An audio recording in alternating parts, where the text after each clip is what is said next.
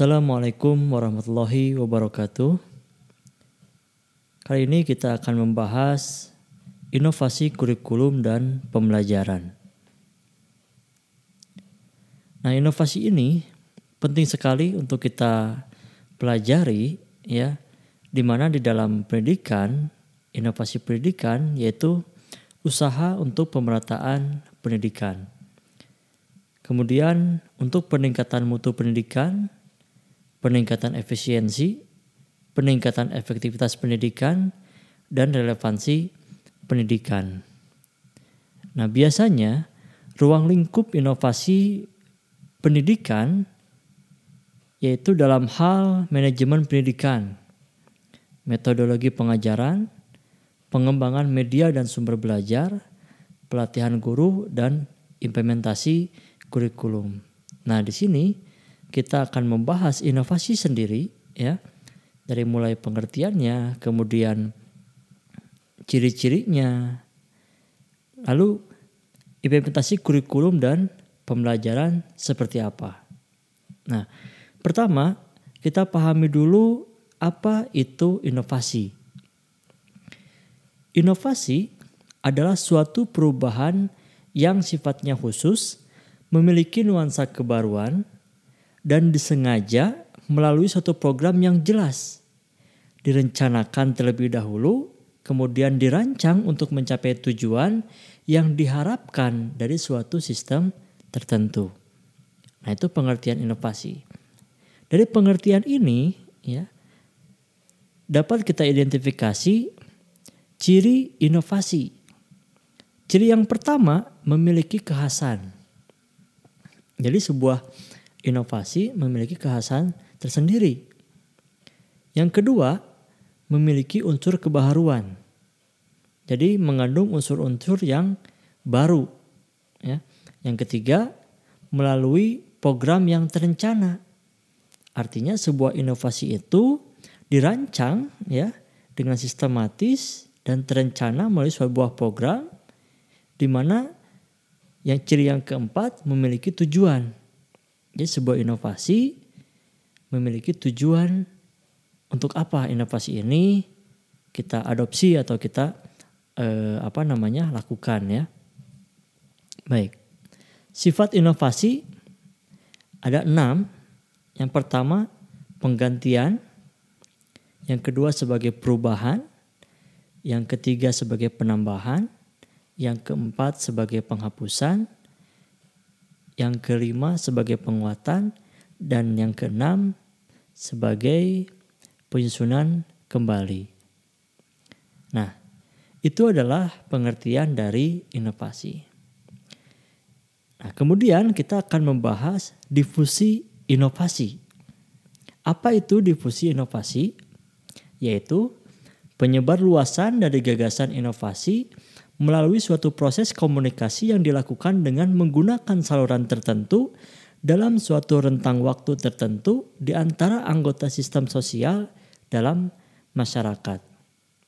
Jadi, difusi inovasi ini sebagai gagasan inovasi ya di mana proses mengkomunikasikan sebuah inovasi melalui berbagai saluran tertentu dan waktu tertentu ya.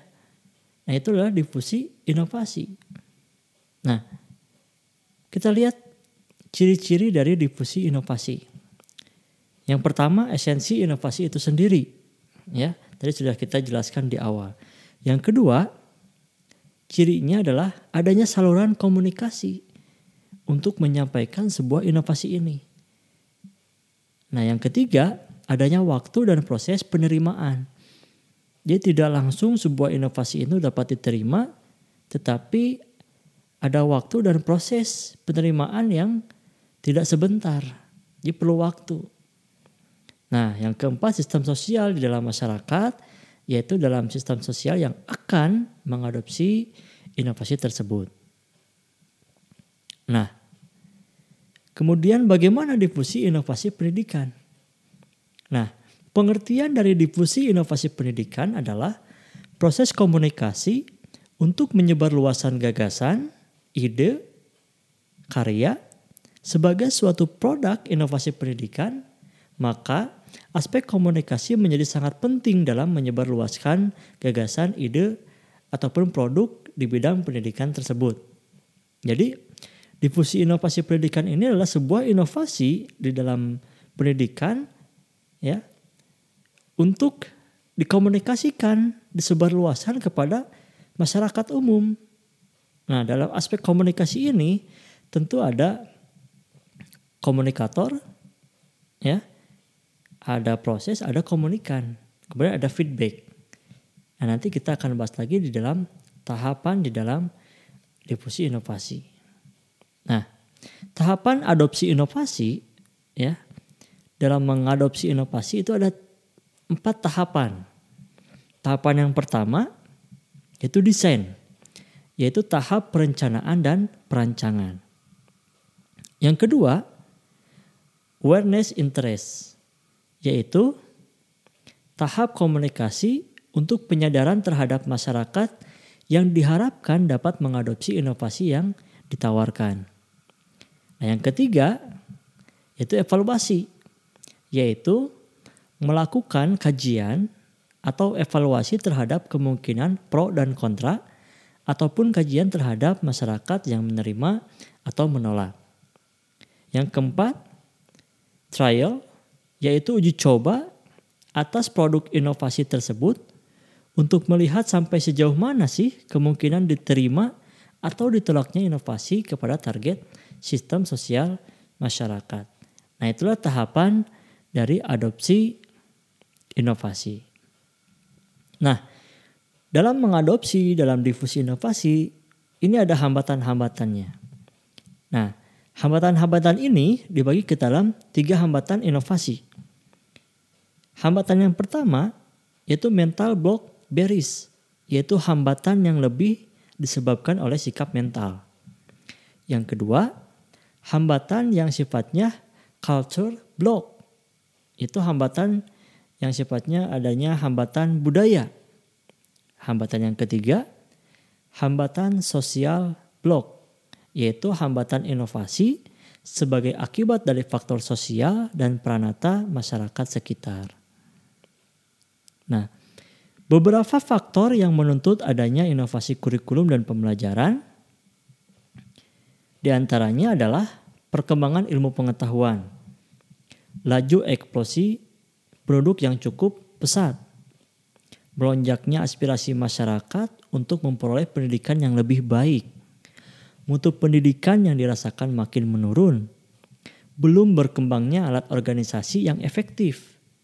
Kurang adanya relevansi antara program pendidikan dan kebutuhan masyarakat yang sedang membangun. Yang terakhir adalah keterbatasan dana. Nah ini adalah faktor-faktor yang menuntut adanya inovasi di dalam kurikulum dan pembelajaran. Nah kemudian ada kriteria dan syarat dalam inovasi kurikulum. Yang pertama, kurikulum harus up to date. Yang kedua, kurikulum memberikan kemudahan untuk memahami prinsip-prinsip pokok dan generalisasinya. Yang ketiga, kurikulum memberikan kontribusi pengembangan keterampilan, kebiasaan berpikir bebas, dan disiplin berdasarkan pengetahuan.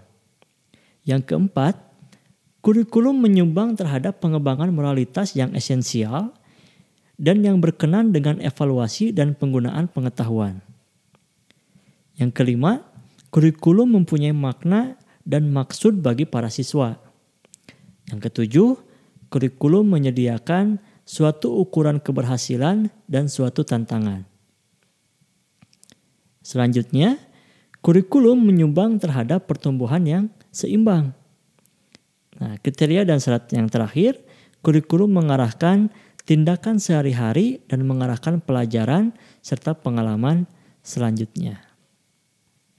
Jenis inovasi di dalam kurikulum ya, seperti kurikulum tingkat satuan pendidikan, kurikulum berbasis kompetensi, broad-based kurikulum, kurikulum sistem ganda, kurikulum muatan lokal, dan kurikulum 2013.